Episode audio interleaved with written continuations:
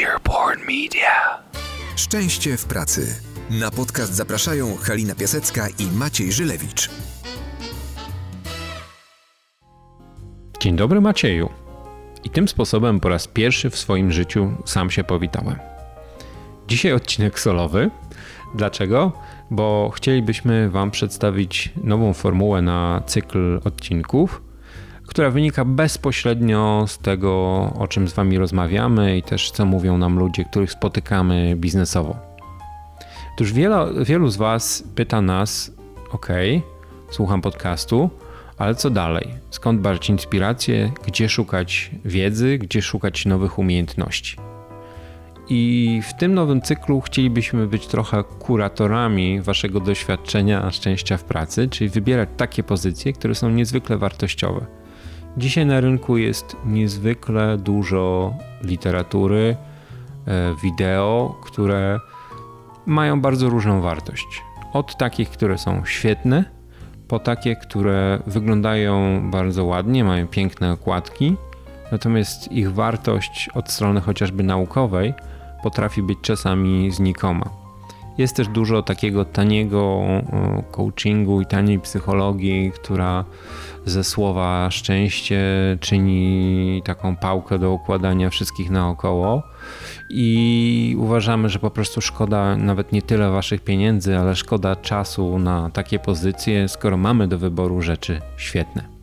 Więc na pierwszy ogień bierzemy dzisiaj pozycję, którą my sami uznajemy za nasz początek e, zajmowania się szczęściem, czyli e, pozycję książkową Shona Acora pod tytułem The Happiness Advantage.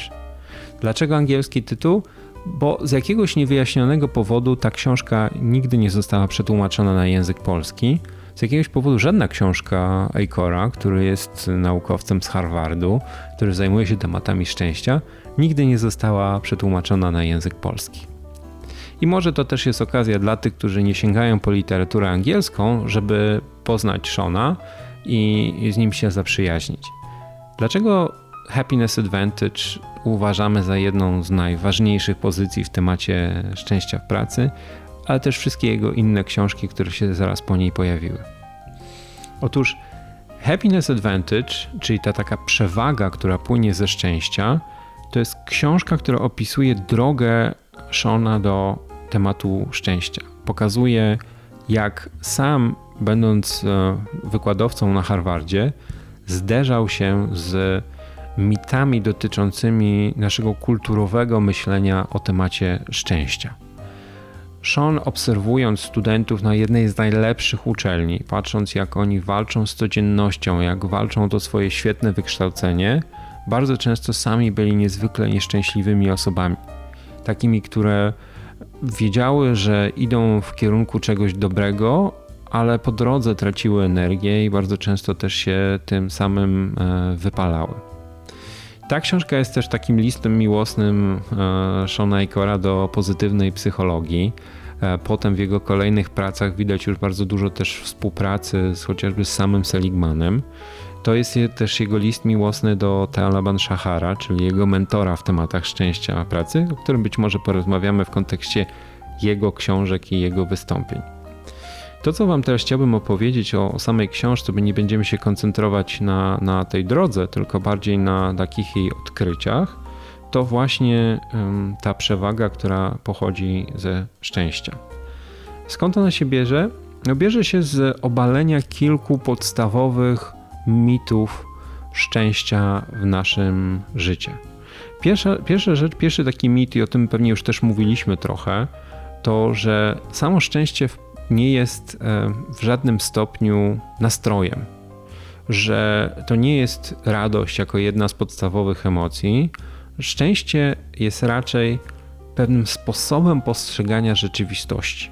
I ten sposób postrzegania rzeczywistości to jest coś, na co my mamy olbrzymi wpływ. Postrzeganie rzeczywistości wynika bardzo bezpośrednio z tego, jak nasz mózg przetwarza informacje, ale też czym karmimy nasz mózg. I Sean mówi bardzo prosto, że jeżeli chcesz, żeby twój mózg był ustawiony na odbieranie szczęścia, ale nie na oszukiwanie rzeczywistości, to musisz go karmić taką dietą, która e, to szczęście wesprze. Dlaczego? Dlatego, że jak Sean zaczął badać tematy szczęścia, to wyszło mu bardzo jasno, że jeden z tych mitów, że e, jeżeli będziesz bogaty, jeżeli będziesz miał sukces, jeżeli będziesz zrealizowany zawodowo, to wtedy przyjdzie szczęście, e, buduje niewłaściwą ścieżkę myślenia o swojej karierze. Sean mówi, jest odwrotnie. Badania pokazują, że jeżeli będziesz szczęśliwy, to będziesz miał dużo większą szansę dojścia do sukcesu, do pieniędzy i do innych rzeczy, które e, pojawiają się jako wynikowa szczęścia. Szczęście jest dobrym predyktorem sukcesu. Czyli ludzie, którzy są szczęśliwi, mają skonstruowane postrzeganie świata, które pomaga im osiągać sukcesy w łatwiejszy sposób. Nation oczywiście nie pozostaje tylko na poziomie badań i definicji, ale sięga głębiej i pokazuje, jak do tego szczęścia można dochodzić. I dzisiaj chciałbym Wam opowiedzieć o takich sposobach, które Sean właściwie w pierwszych rozdziałach książki wymienia jako sposób docierania do tej przewagi, którą daje nam szczęście e, i szczęście też w pracy. Sean wymienia siedem rzeczy, które pomagają nam w osiąganiu szczęścia, takich rzeczy, które przeprogramowują nasz mózg i pozwalają mu lepiej funkcjonować, a przez to szybciej osiągać też sukcesy. Jak to zwykle u niego, każda z tych rzeczy, o których mówi, jest bardzo dobrze poparta badaniami, więc jeżeli macie ochotę przekonać swojego wewnętrznego sceptyka, to można sięgnąć spokojnie po książkę i zobaczyć, e, do jakich badań on się odwołuje. Jedną z takich rzeczy, pierwszą rzeczą jest e, dokonywanie świadomych aktów dobra. W języku angielskim brzmi to conscious acts of kindness i jest w opozycji do takiego pojęcia random act of, acts of kindness, czyli takich przypadkowych, spontanicznych aktów dobra. Dlaczego świadome? Sean mówi, że e, jeżeli wyrabiamy w sobie nawyki altruizmu, Wiem, że oczywiście jest bardzo dużo teorii, które mówią, że altruizm jest najwyższą ewolucyjną formą egoizmu, ale jeżeli wyrabiamy sobie takie nawyki altruizmu, to e, bardzo świadomie zmniejszamy sobie poziomy e, dolegliwości związanych ze stresem, ale też wzmacniamy swoje zdrowie psychiczne. I Sean mówi, zamiast e, robić to w sposób nieświadomy i przypadkowy, Wyznaczajmy sobie wręcz cele związane z tym, jak możemy pomagać ludziom w swoim otoczeniu. I te akty nie muszą być wielkie. To czasami są bardzo proste rzeczy, takie jak dobre słowo dla kogoś, kto akurat tego słowa potrzebuje, czy być może chwila uwagi, którą poświęcimy komuś, to w tym momencie tego bardzo, bardzo potrzebuje. Więc pierwsza rzecz to są świadome akty dobra. Druga rzecz, o której Sean mówi, to otaczanie się, zbudowanie sobie takiego środowiska, które procesy szczęścia będzie wspierało. E, co to znaczy? Rozmawialiśmy trochę o tym podczas odcinka z Grześkiem e, Chuchrą. To jest wyeliminowanie z naszego otoczenia rzeczy, które to szczęście mogą nam obniżać. Czyli na przykład, jeżeli masz wieczorem e, możliwość spojrzenia na program informacyjny, w którym rzadko kiedy usłyszysz o pozytywach, raczej zobaczysz ludzi, którzy ze sobą walczą, nienawidzą się, używają strasznych słów, to być może wymień to na coś innego. Być może poszukaj gdzieś indziej rzeczy, które będą dla ciebie bardziej przyjazne. Jeżeli e, od e, wielu tygodni denerwuje cię przepalona żarówka w kuchni, to albo ją wymień, albo coś z nią zrób, bo sam fakt frustracji, która rodzi się z tego, że cały czas potykasz się o taką samą niedogodność, już może wpływać negatywnie na Twoje szczęście. Trzecia rzecz fizyczna aktywność. I znowu wracamy do odcinka z Olą Potykanowicz. E, powiedzieliśmy tam praktycznie wszystko. E, ta gospodarka, ta chemia, która się pojawia wtedy, kiedy zaczynamy się aktywnie ruszać, kiedy robimy coś z sobą, ze swoim ciałem, bardzo mocno pomaga w tematach szczęścia, więc warto jest zdecydowanie o to zadbać. Kolejna rzecz, i to być może Wam się bardzo spodoba, ale wydawanie pieniędzy. Tak, wydawanie pieniędzy daje nam szczęście. Tylko pytanie oczywiście na co? Jak Sean pokazuje, badania e, są tutaj dość jednoznaczne. Jeżeli wydajemy pieniądze na rzeczy, które są związane z naszym życiem społecznym, z aktywnościami, z wyjściami do teatru, do kina, ze znajomymi, to są to pieniądze, które dają nam absolutnie największe szczęście. Pokazuje również, że e, raz na jakiś czas wydanie pieniędzy na nowy element garderoby czy na nowe buty jak najbardziej też ma o, ten efekt. Ogólnie, jeżeli wydawać pieniądze, żeby być szczęśliwym, to raczej na doświadczenia niż na przedmioty, ale każda forma krótkofalowo jest w stanie zapewnić ten strzał e, endorfin.